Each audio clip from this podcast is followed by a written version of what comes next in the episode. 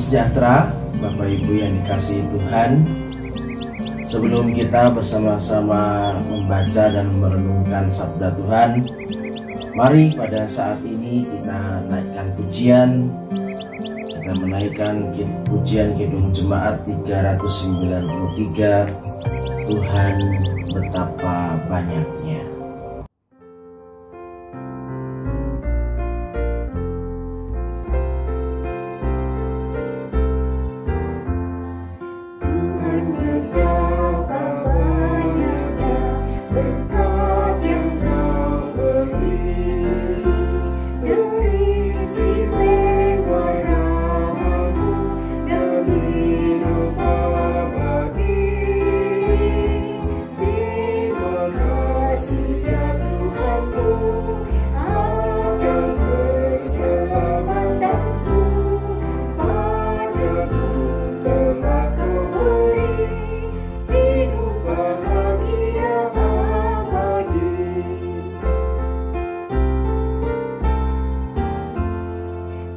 banyaknya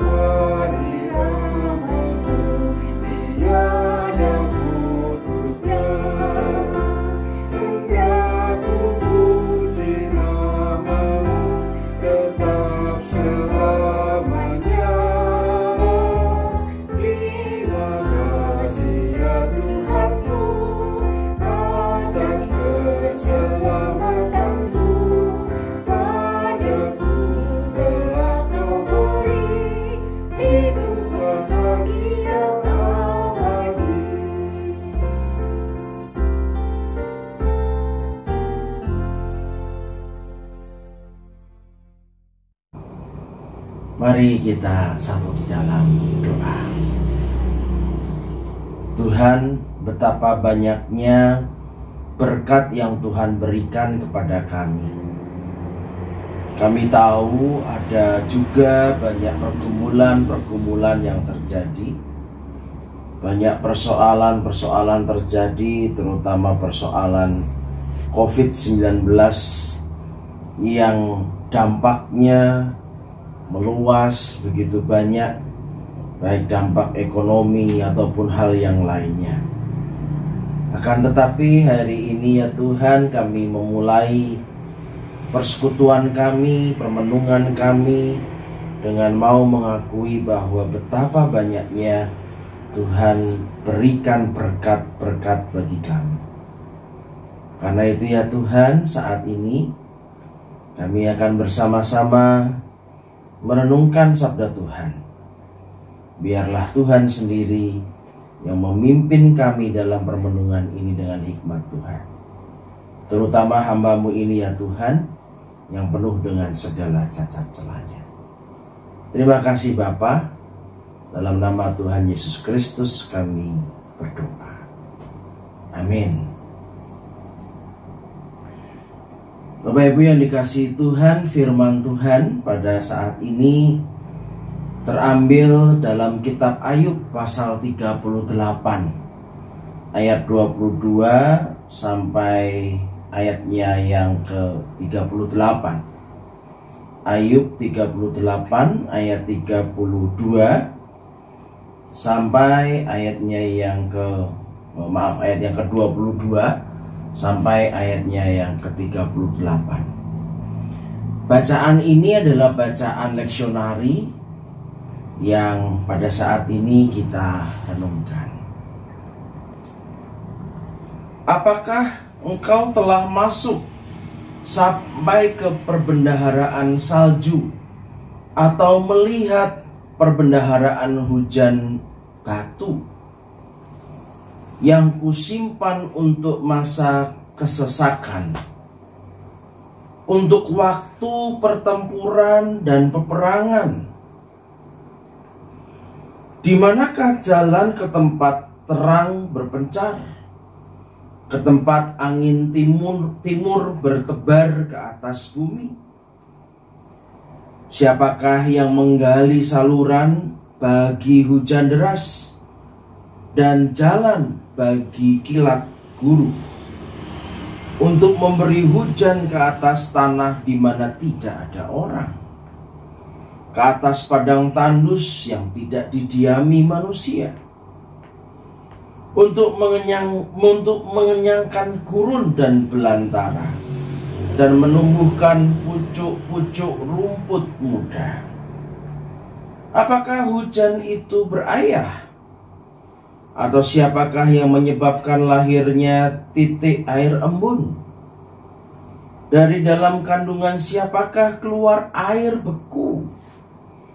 Dan embun beku di langit siapakah yang melahirkannya? Air membeku seperti batu dan permukaan samudra raya mengeras. Dapatkah engkau memberkas ikatan bintang kartika dan membuka belenggu bintang belantik? Dapatkah engkau menerbitkan minta kulburuj pada waktunya dan memimpin bintang biduk dengan pengiring-pengiringnya? Apakah engkau mengetahui hukum-hukum bagi langit? Atau menetapkan pemerintahannya di atas bumi? Dapatkah engkau menyaringkan suaramu sampai ke awan-awan sehingga banjir meliputi engkau? Dapatkah engkau melepaskan kilat sehingga sabung menyambung? Sambil berkata kepadamu, ya, Siapa hik menaruh hikmat dalam awan-awan? Atau siapa memberikan pengertian kepada gumpalan mendung? Siapa yang dapat menghitung awan dengan hikmat? Dan siapa dapat mencurahkan tempayan-tempayan langit ketika debu membeku menjadi logam tuangan dan gumpalan tanah berlekat-lekatan? Tema renungan kita pada hari ini adalah Mengapa satu tambah satu sama dengan dua? Kira-kira apa jawab dari pertanyaan itu? Kenapa satu tambah satu sama dengan dua? Mungkin Anda tersenyum dan bergumam ngeceh-ngeceh pikiran. Koyo ngono kok ditakokke. Menyanyiakan pikiran saja, seperti itu kok ditanyakan. Tapi bagaimana kalau saya tetap mendesak untuk minta jawabannya? Mengapa satu tambah satu sama dengan dua? Apa jawab saudara? Jika boleh saya menebaknya, jawaban dari pertanyaan itu mungkin adalah ya sudah dari sananya. Sudah mutlak seperti itu. Atau menjawab dengan menegasikannya. Ya kalau satu kali satu bukan dua, atau dua tambah tiga bukan sama dengan dua atau menjawab dengan alternatif lain nggak juga nggak selamanya satu tambah satu sama dengan dua. Empat kurang dua juga sama dengan dua. Enam bagi tiga juga sama dengan dua. Akan tetapi jawaban itu semua tidak menjawab esensi dari pertanyaan itu. Kenapa satu tambah satu sama dengan dua? Lalu apakah saya bisa menjawabnya? Sama. Saya juga tidak bisa menjawabnya. Bukan hanya mengapa satu tambah satu sama dengan dua yang tidak dapat kita jawab. Ada banyak pertanyaan di dunia ini yang tidak bisa kita jawab. Di mana pangkalan matahari? Dari manakah angin berasal? Bagaimana embun itu bisa muncul? Siapa yang menempatkan bintang demi bintang pada posisinya? Semua itu ditanyakan Tuhan kepada Ayub untuk dijawabnya. Kita tahu semua jawaban dari pertanyaan itu hanya satu, yaitu saya tidak tahu. Lalu kalau Allah tahu bahwa Ayub tidak mampu menjawab pertanyaan-pertanyaan itu, mengapa Allah mempertanyakannya kepada Ayub? Kitab Ayub adalah salah satu dari satu kitab yang sangat saya sukai. Bukan saja kisah penderitaannya yang bertubi-tubi yang seolah-olah menjadi penghiburan bagi saya karena penderitaan saya tidak ada apa-apanya jika dibanding dengan penderitaan Ayub. Atau juga bukan saja karena akhir dari cerita Ayub sangat membahagiakan yang bisa menjadi pengharapan bagi saya dalam penderitaan. Semoga di akhir penderitaan saya nasib saya seberuntung Ayub yang diberkati Tuhan berkali-kali lipat. Akan tetapi keindahan kitab Ayub juga terasa, sangat terasa dari tujuan penulisan kitab ini. Dilihat dari bentuk sastranya, maka kitab Ayub termasuk dalam kitab yang memiliki sastra hikmat.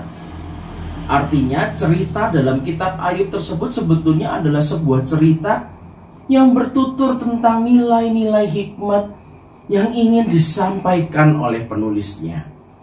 Nilai-nilai dari kitab Ayub membahas tentang teodike. Theos yang artinya Tuhan dan dike yang artinya keadilan. Kitab Ayub ingin mencoba mengutarakan tentang keadilan Tuhan kalau Tuhan itu adil, mengapa hambanya yang baik dan setia bernama Ayub itu harus menderita luar biasa? Adalah sesuatu yang sangat wajar jika penderitaan yang luar biasa itu terjadi pada orang yang melawan Tuhan. Penderitaan itu bisa disebut dikategorikan sebagai bentuk hukuman dari Tuhan bagi mereka yang menjadi seteru Allah. Tetapi penderitaan yang luar biasa justru terjadi pada orang yang baik dan setia seperti Ayub Lantas di manakah keadilan Tuhan? Menariknya jawaban dari sastra hikmat tentang keadilan Allah itu adalah satu-satunya yang saya tahu tentang keadilan Allah adalah saya tidak tahu apa-apa. Mengapa demikian? Karena banyak hal yang tidak kita ketahui tentang Allah. Jangankan berbicara tentang Allah dan keadilannya. Pertanyaan-pertanyaan yang Allah ajukan dalam bacaan kita saja tidak mampu untuk dijawab. Di manakah pangkalan matahari? Dari manakah angin berasal? Bagaimanakah embun bisa muncul? Siapa yang menempatkan bintang demi bintang pada posisinya? Mengapa satu tambah satu sama dengan dua? Mengapa ada virus COVID-19? Di manakah Allah ketika terjadi pandemi? Semua jawaban itu adalah saya tidak tahu apa-apa. Jawaban itu menunjukkan siapa kita dan siapa Tuhan. Kita adalah ciptaan yang terbatas dan Tuhan adalah pencipta yang tidak bisa dibatasi oleh apa pun. Bahkan dengan penjelasan-penjelasan apa pun yang kita lakukan untuk menjelaskan tentang Allah. Dari semua pertanyaan yang tidak bisa dijawab oleh Ayub. Kitab Ayub berakhir dengan sebuah akhir cerita yang membahagiakan kekayaannya, anak-anaknya, dan semua kebahagiaannya dikembalikan berlipat kali ganda. Apakah karena Ayub menang dari penderitaannya? Apakah iman Ayub kepada Tuhan yang menyebabkan semua hal itu terjadi? Bukan. Pertanyaan-pertanyaan yang Tuhan ajukan pada bacaan kita ini menjadi sebuah kemarahan Allah kepada Ayub yang merasa dirinya tidak pantas untuk menerima penderitaan yang ia alami. Jadi jika Ayub di akhir cerita mendapat berkat berkali-kali lipat dari sebelumnya, itu bukan karena kehebatan iman Ayub, melainkan semata-mata hanya kemurahan Tuhan. Di sinilah keindahan kitab Ayub memuncak. Sekalipun kita tidak memahami keadilan Tuhan dalam hidup ini, bahkan sekalipun kita gagal untuk terus beriman dalam ketidaktahuan kita, tentang keadilan Allah, maka satu hal yang kita tahu dengan pasti, kasih Allah terhadap kita tidak akan pernah berubah. Sama seperti Allah mengasihi Ayub, maka Allah pun mengasihi kita. Dalam masa pandemi dan masa di mana kita mau tidak mau harus memasuki sebuah tatanan yang baru yang kita tidak tahu dengan pasti berita yang disampaikan oleh kitab Ayub ini menjadi kekuatan kita. Sekalipun kita tidak tahu dan bagaimana keadilan Allah itu harus kita jalani. Sekalipun kita tidak tahu jawaban dari semua pertanyaan yang berkecamuk dalam hidup kita.